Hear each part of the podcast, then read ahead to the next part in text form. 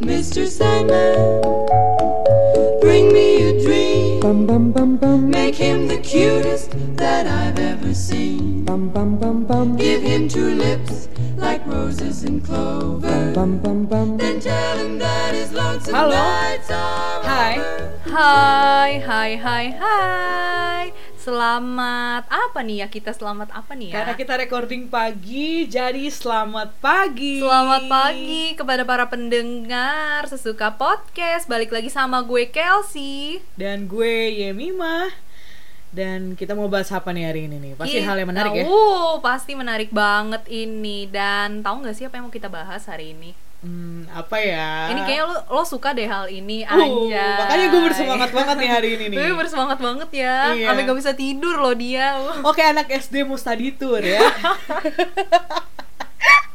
Ngaku lo waktu SD lo kalau mau study tour nggak tidur Iya, kan? gue nggak bisa tidur. Eh, malah gue sampai SMP gue nggak bisa tidur loh.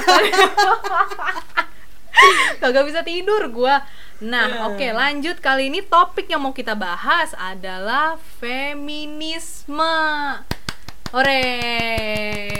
Feminisme, go feminis. Go.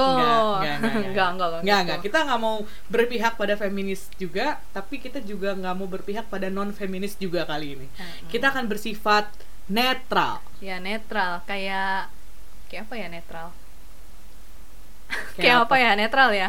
netral. Kayak air bersih kali ya netral kan? Air bersih. Aduh, gue nyari bahan kagak bisa nih ngakak. jujur banget. nggak bisa nggak ahli ngelawak saya karena saya terlalu lembut Geli lo. Ih, apaan sih Geli selamanya. Iu. Oke. Oke. Lanjut ya, Kel. Lanjut. Jadi eh, kita eh, kita di sini bakal ngebahas yang namanya feminisme. Nah, apa sih artinya dari feminisme itu sendiri? Nah, kalau dari data yang kita dapat dari IDN Times tanggal 9 April tahun 2019, arti dari feminisme itu kalau secara ilmiah adalah gerakan dan ideologi yang memperjuangkan kesetaraan bagi kaum perempuan dalam bidang politik, ekonomi, budaya, dan ruang pribadi. Jadi arti dari feminis ini adalah sebenarnya mengenai kesetaraan. Nah, menurut lo gimana nih, Yem? Bener sih. Kalau yang kita tahu selama ini feminisme itu tuh pasti hubungannya dengan eh, dendam kesumat perempuan terhadap laki-laki gitu. Uh, dendam nyiblorong. Gimana lu ada aja. Iya.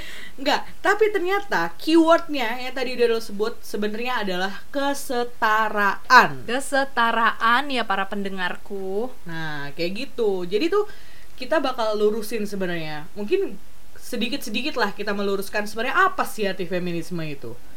Iya nggak? Iya, kan? benar-benar. Mungkin ada data lagi yang mau disampaikan sama Kelsey?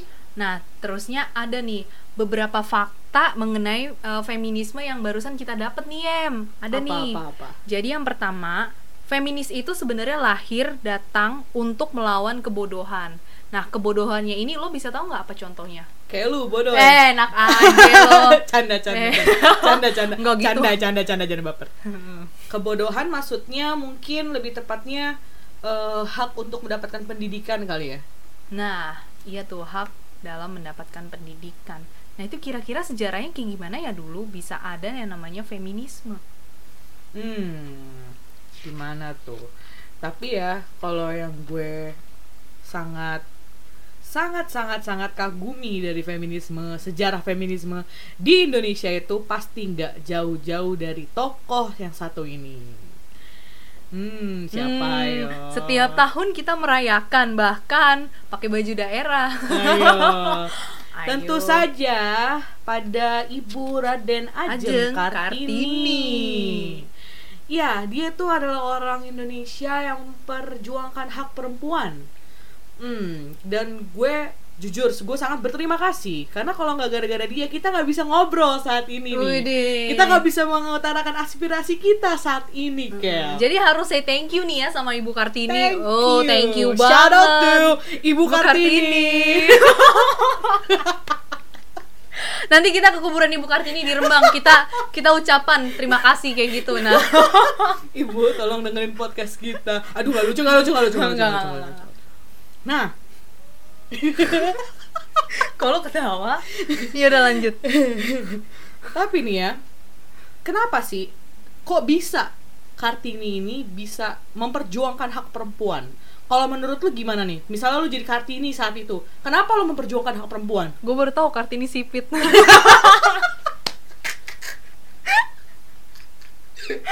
Enggak, lanjut, lanjut. Jadi, kenapa waktu itu eh, Kartini memperjuangkan hak perempuan? Karena pada saat itu ya, dulu tuh perempuan tuh katanya tersiksa banget ya, Bor. Mm-mm. Nah, tersiksa tuh bukan maksudnya dipukulin tiap hari, Oh, bukan. enggak. Enggak kayak lu ya digebukin tiap hari ya. Eh, emangnya gue bocah apa? Lu kasur digebukin tiap hari merotan. jemur ya. nah, jadinya tuh dulu teman-teman perempuan pada masa itu ya. Eh, sebenarnya mindsetnya itu dulu perempuan itu adalah cuman eh, tahu urusan dapur dan kasur. Kalau kalian tahu kasur itu apalah ya, kita nggak usah inilah kita pasti Yaudah, tahu urusan kasur. Nanti jadi sex education. Iya. Gak usah. Lanjut. dokter Boyka nih jadinya gitu. Nah. Terlalu mahal ngundang dokter Hmm. Boyke. Nah, jadi kayak gitu. Perempuan cuma taunya urusan dapur dan kasur. Kemudian ketika Kartini melihat perempuan di sekitarnya dan dia berpikir, perempuan itu berhak untuk mendapatkan pendidikan yang sama. Perempuan Hmm. berhak untuk menyuarakan pendapat. Maka dari itu, dia berinisiatif untuk membangun sekolah perempuan saat itu. Wow, Hmm. coba bayangin coba jadi Kartini saat itu. Wah, Pasti- gila sih hebat banget. Dan dan waktu itu pun akhirnya eh, setelah era Kartini pun makin ke sini tuh makin banyak loh ya perempuan perempuan perempuan yang jadi pahlawan nasional. Iya kayak Ha-ha. contohnya yang dari Jawa Barat ya Dewi Sartika. Nah Dewi Sartika itu dia juga ngebangun sekolah. Terus ada eh, ada namanya dari Sulawesi Utara namanya Maria Walanda Maramis. Nah dia juga mendirikan sekolah perempuan di Sulawesi Wow. Utara sana. Nah kayak gitu kira-kira. Mm-mm. Tapi eh, dengar dari sejarah ini, gue balik lagi ke awal yang tadi fakta pertama ya. Mm-mm. Feminisme ini sebenarnya lahir karena melawan kebodohan. Iya, Nah kebodohan. bener kan berarti Mm-mm. emang ternyata kayak gitu. Dan kemudian gue penasaran banget nih, eh kenapa kenapa sih Ibu Kartini ini bisa? Kan tadi kan kenapanya udah ya. Mm-mm. Gua sorry gue salah. Bagaimana dia memperjuangkan hak perempuan? Nah gimana tuh tadi? kan- Bagaimana bisa dia keselibet gitu pikiran kan kalau kita kalau lagi gabut ya cuman bisa rebahan doang tapi dia kalau lagi gabut dia memperjuangkan hak wanita men Oh gimana tuh kok men? bisa begitu Waduh, gimana Nah. tuh kira-kira tuh? tapi kalau ini gua nggak gua nggak ini sekali lagi nih gua adalah asumsi ya asumsi dari gue kalau menurut gue Kartini ini kan punya banyak temen Hmm, hmm. Dia nulis surat terus seperti yang kita tahu dari bukunya dia yang tentang habis gelap terbitlah terang Ah, Nah, itu adalah kumpulan surat-surat dia untuk teman-temannya yang dari eh, luar negeri, khususnya hmm. Belanda. Belanda. Hmm. Yang kita tahu, Belanda itu tuh termasuk negara liberal. Hmm. Betul? Nah, Nah. iya. Nah, salah satu temennya ini di seinget gue namanya Aben Danon deh kalau nggak salah ya. Hmm. Iya, heeh, itu nama temennya salah satunya yang gue. Nah, sekarang gini, kenapa bisa? Kenapa bisa dia punya pemikiran seperti itu? Karena menurut gue dia deket sama teman-temannya ini Hmm. yang ideologinya liberal.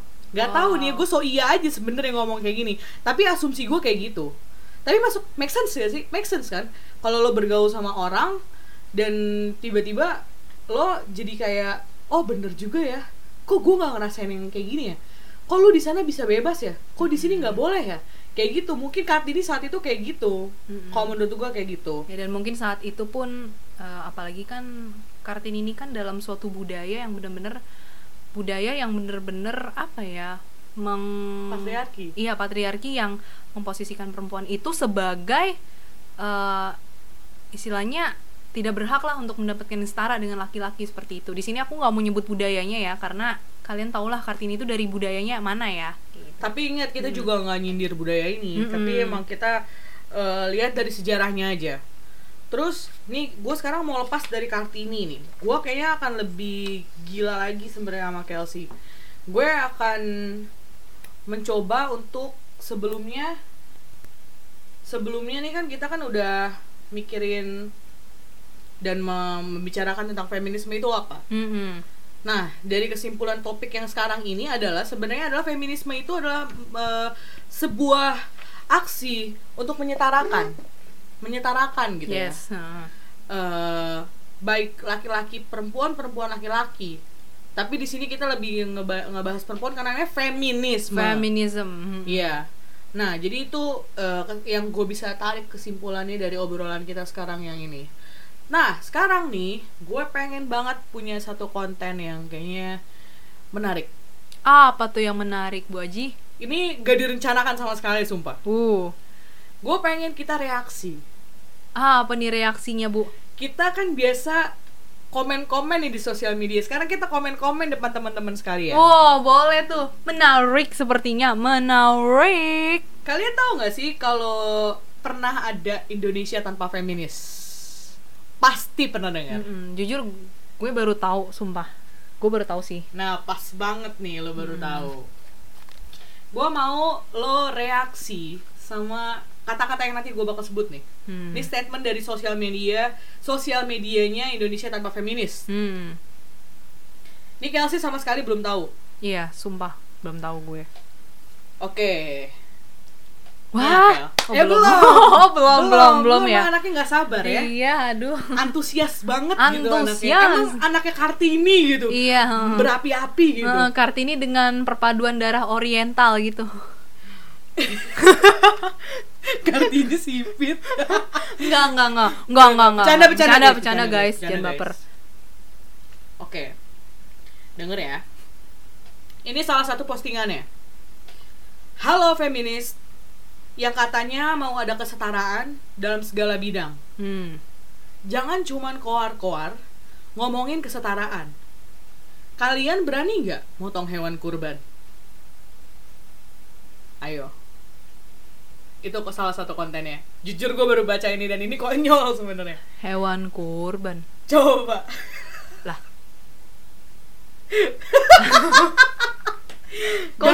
jujur gue baca ini juga nggak habis pikir. gue gue shock, sumpah. Tunggu. Ini adalah postingan dari Indonesia tanpa feminis bla bla bla gue nanti gue nggak berani Ha-ha. ngucapin lengkapnya lah. Lu sampai nggak bisa berkata-kata. Eh, gue speechless, man. I'm speechless, you know? No no no no no no. go speechless. Eh, lagu itu Oh, ya. Nah, Motong hewan kurban. oke deh, nggak nggak familiar, nggak familiar. Eh, tunggu tunggu, gue kayaknya ada deh di ini gue. Lah, lah bukannya selama ini pun kalau menurut gue itu memang bukan pekerjaan perempuan nggak sih? Kalau menurut gue ya, Hmm. kan selama ini kan memang yang kita lihat yang motong laki-laki. Kemudian apakah dia sendiri yang yang bikin itu? Itu motong hewan kurban nggak dia? Kerabatnya yang perempuan coba. Nah itu Oke, sekarang nih ada itu yang lucu sih nih. Lucu itu nggak sih itu menurut gue ya Nih lucu nih, nih Hmm. lucu nih. Mohon maaf. Situ ngaku feminis. Ngaku anti patriarki. Hmm. Ngaku nggak mau ditindas para lelaki. Tapi kok nambahin nama suami di balik nama sendiri, di belakang nama sendiri? Awok awok awok awok awok. Itu ketawanya gitu. Ketawa dajal. ketawanya ngeselin ya sis uh kesel gue Awok awok awok. Eh, gini itu balik lah itu eh, jadi gue di sini ada fakta yang gue temukan mengenai feminis jadi feminis itu bukan untuk melemahkan laki-laki sekali lagi ya tapi untuk menyetarakan kalau untuk urusan nama suami di belakang itu adalah pilihan dari si istrinya tersebut jadi eh, tidak bisa menyamakan semua orang untuk mengikuti itu semua kayak gitu loh maksudnya. Balik lagi Ha, pilihan itu pilihan. adalah hak ya. Mm-mm. dan hak hak kita sebagai manusia nggak cuma sebagai perempuan adalah memilih se- memilih pilihan kita sendiri. Itu hak kita balik lagi. Nah gua mau kasih kasih tahu nih. Gue satu blowing. lagi nih. Oke ini ini agak konyol nih jujur gue baru baca apalagi Ini sekali lagi nih, sekali lagi. Terakhir nih, terakhir. Feminis garis keras itu seharusnya nggak naik kendaraan bermotor. Kenapa? Karena kendaraan bermotor diciptakan oleh laki-laki melalui sistem dan pikiran yang patriarkis. Silakan sambatnya, silakan. Gue mau sambat. gue bingung sebenarnya ini maksudnya apa ya nah sekarang gini ya misalnya tuh cewek kerja jauh terusnya dia butuh waktu yang cepet terus dia memilih naik motor lah terus apakah dia nanti mikir ah buatan cowok gue nggak mau naik masa masa begitu istilahnya, istilahnya ya feminis gak boleh naik motor anjir. lah terusnya kalau dia boncengan sama pacarnya ayo. Lah gimana? Oke, ini kayaknya menarik lagi agak deh. konyol. Ini agak konyol sebenarnya statementnya. Jadi tuh sebenarnya ini harus bisa membedakan yang mana tuh harusnya menjadikan yang ini ide- ideologi dan kehidupan sehari-hari itu harus dibedakan. Jangan menyamaratakan apa yang menjadi pemikirannya dia dengan pemikiran orang lain seperti itu Nah, gitu loh menurut gue iya ya betul betul betul betul. Nih untuk penutup nih, sekali lagi Kel. Nah terusnya nih, gue naik mobil, terus gue feminis, gue nggak boleh naik mobil itu, gue nggak boleh nyetir mobil itu. Lah terusnya gue ke sana naik apa dong? Masa gue naik karpet terbang? apa ya? Konyol, statement itu konyol. Nih, ini statement yang terkonyol yang gue temukan hari ini. Oke ya, siap ya? Ya, Sambatnya nih ya. Mohon maaf, hmm, situ ngaku feminis, tapi kok nikah sama laki-laki? Hello? Mukanya udah kesel. nggak, gue bukannya kesel, cuman karena statementnya ini tuh aneh-aneh. Balik lagi, itu semua tuh kepilihan orang. Ya nggak sih, pilihan orang. bener, bener, bener, bener. Tapi gimana nih statement yang tadi tuh? Menurut lo? kalau menurut gue ya ini kan ada kaitannya dengan orientasi seksual seseorang itu semua tergantung dengan pribadinya feminis itu tidak memandang gender ataupun orientasi seksual orang jadi bebas orang itu mau nikah sama siapa itu adalah kebebasan orang itu sendiri. Balik lagi, pilihan. Heeh, pilihan. anda tidak bisa menyamaratakan itu semua. Gila gue udah kayak anggota DPR ngomongnya. Gila ya. Emang DPR ngurusin feminisme? ups. Aduh. Ups. eh eh. Lupa lupa nggak boleh sambat lupa. Aduh, itu. Tuhan. aduh maaf. Aduh gila. Gue seneng banget sama pembicaraan hari ini jujur. Gue Iya, tapi aduh, gue habis heran ya masih juga ada yang sih. berpikir begitu ya. Feminis itu kan bukan untuk membodohkan atau merendahkan laki-laki, bukan bukan berarti anti laki-laki. Nah, dalam beberapa pekerjaan pun kita sebenarnya masih harus membutuhkan peran laki-laki. Sebenarnya menurut gue ya dengan topik pembicaraan kita ini sebenarnya kita harus seimbang, balance antara Betul laki dan sekali. perempuan seperti itu. Bukan berarti yang perempuan bisa ini, masa yang laki nggak bisa ini. Kita tuh harus seimbang sebenarnya komitmen keputusan masing-masing kayak gitu. Jadi intinya kita saling melengkapi aja deh gitu ya Ya saling melengkapi kayak aku dan dia. ih Ih. dia mau sama lu eh mau dong dia sama gue. ngaco gila ya tapi gue seneng sama pembicaraan kali ini gue ngerasa kita perlu dibetulkan dari stigma-stigma yang ada dan gue senang kita bisa mengklarifikasi klarifikasi Artis. beberapa beberapa perta- pernyataan lebih tepatnya. Jadi kayaknya kita udahan aja kali ya. Hmm, dan ada satu lagi Hah. yang mau gue kasih tahu. Oke oke apa nih? Feminis itu eh, gerakan yang di dalamnya tidak hanya ada perempuan tapi ada laki-laki juga loh. Wow. Nah Ya. ini nih perlu nih, perlu pada tahu nih, perlu pada tahu nih, biar gak asal-asalan feminis kan cewek doang gini gini Enggak. gini. gini. Ada laki-laki, ada laki-laki juga yang memperjuangkan feminis itu kayak gitu. Hmm. Hmm, Contohnya ada beberapa teman-teman gue di kampus bahkan cowok menjadi feminis. Ya karena Yes. Hmm. mereka beranggapan feminisme itu adalah memperjuangkan hak, Iya, memperjuangkan hak. bukannya membenci sebuah kaum. Bukan ya, ingat itu bukan membenci tapi menyamakan, oke? Nah betul sekali. Hmm. Udah segitu aja kayak. Iya, kayaknya itu aja. Nah, satu lagi. Aduh, gue tuh lupa terus ya kayaknya nih. Mampus sih, otak lu stuck mulu. Dan eh gua udah berdasarkan data yang kita dapat nih, gua udah nemu beberapa tokoh feminis di Indonesia nih. Wah, siapa tuh salah satunya oma gue? Gua nggak nanya sama lu. nah, Ini didapat dari herstory.co.id. Nah, siapa aja sih tokoh-tokoh feminis yang ada di Indonesia? Ini gua nemu nemu gile. Gua nemu ada tiga tokoh feminis di Indonesia. Yang pertama itu adalah yang tadi kita bahas loh, R.A. Kartini. Betul, Nah. ada Najeng Kartini. Nah, itu tuh respect for her. ya mungkin bisa dibilang dia adalah pelopor feminisme pertama yang di Indonesia kemudian diikuti oleh yang lain-lainnya di tahun-tahun berikutnya kayak gitu Terus ada siapa lagi kayak? kemudian ada Ratna Sarumpait uh Ratna Sarumpait tuh feminis guys Oke, gue berusaha untuk tidak Jadi- membahas yang lain. Eh, kalau sebenarnya kita telusur lebih dalam Ratna Sarumpait ini adalah sebenarnya dia pemain teater Hmm. nah dia tuh menyuarakan feminis melalui karya-karya teaternya uh, Hmm, jadi nah, jangan diinget yang digebukin aja guys. iya heeh. Ingat dia feminis. Iya. Kita liatin baik-baiknya juga. Nah, jadi ada salah satu naskah dramanya yang pada saat itu menyindir eh, rezim Orde Baru saat itu. Kalau ini lo tahu nggak sih kasusnya Marsina? tahu tahu tahu. Nah, itu dia bikin naskah drama soal itu. Jadi judulnya adalah Marsina nyanyian di bawah tanah. Nah, di situ tuh eh, dalam naskah drama itu dia menyuarakan mengenai eh, hak-hak buruh perempuan kayak gitu intinya. bagus ya, selain digebukin ada karya-karya. Iya, heeh. Aduh, Itu gue Sar- bisa. Sorry, sorry, sorry, sorry. Dia dia hebat, dia hebat. Dia hebat, dia hebat. Respect for her. Yeay. Respect, respect. Bu Ratna. Terus ada siapa lagi, Kel? Dan ada gadis Arifia. Oh, Dia gadis. ini. Apa Yes. janda? eh, sorry, sorry. Sama sorry, sorry. Oh, bisa jadi nyanyi. Gila. maaf ya, emang temen gua agak kayak begini maaf ya. maaf, maaf, maaf, maaf, maaf. Jadi yang terakhir ini adalah gadis Arifia. Dia ini adalah seorang dokter filsafat UI, coy.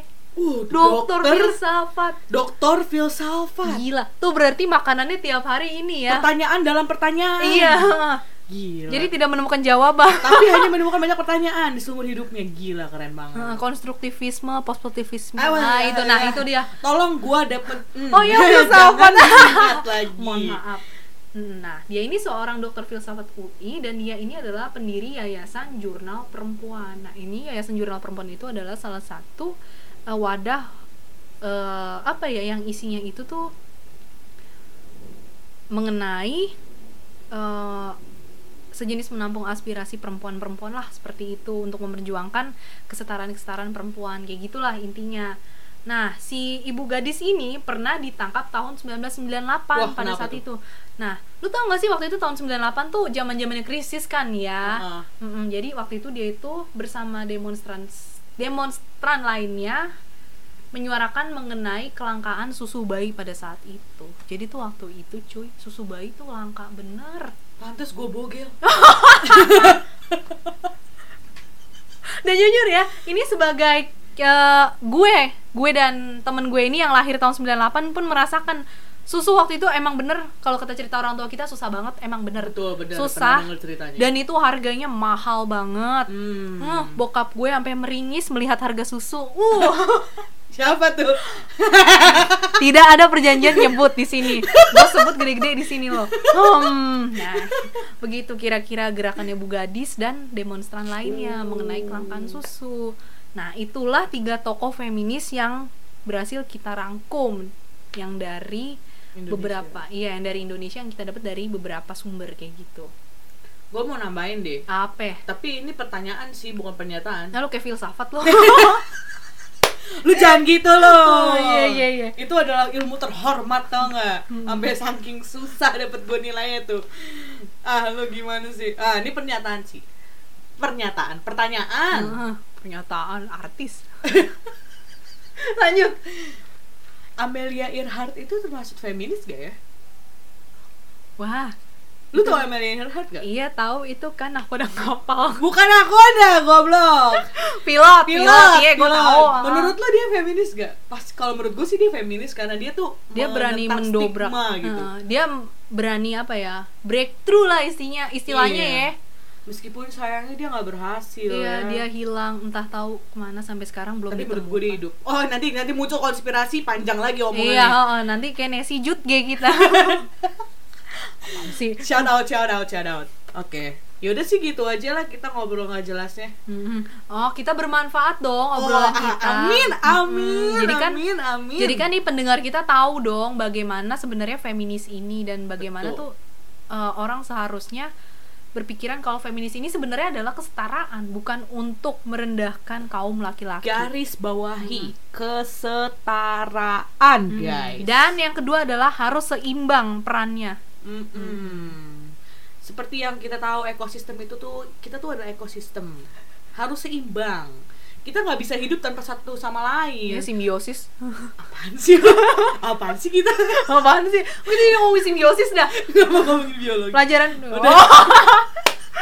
Lo ketahuan lo biologi lo belajarnya yang mana nih? Gue udah hafal nih. udah udah oke daripada kita makin gak jelas omongannya ke sini karena bahasan kita mengenai feminisme udah selesai kalau begitu nantikan episode kita selanjutnya di Betul Sesuka sekali. Podcast gue Kelsey dan temen gue Ya Mima. sampai jumpa di podcast Eh, berikutnya Tunggu, oh belum kasih tahu. apa Kalau di episode pertama gue namanya Eo. Ya udah gue Eo aja deh. ya udah Eyo tapi nama aslinya Yemima guys ya udahlah ya Yaudah. sama aja Bye. Bye.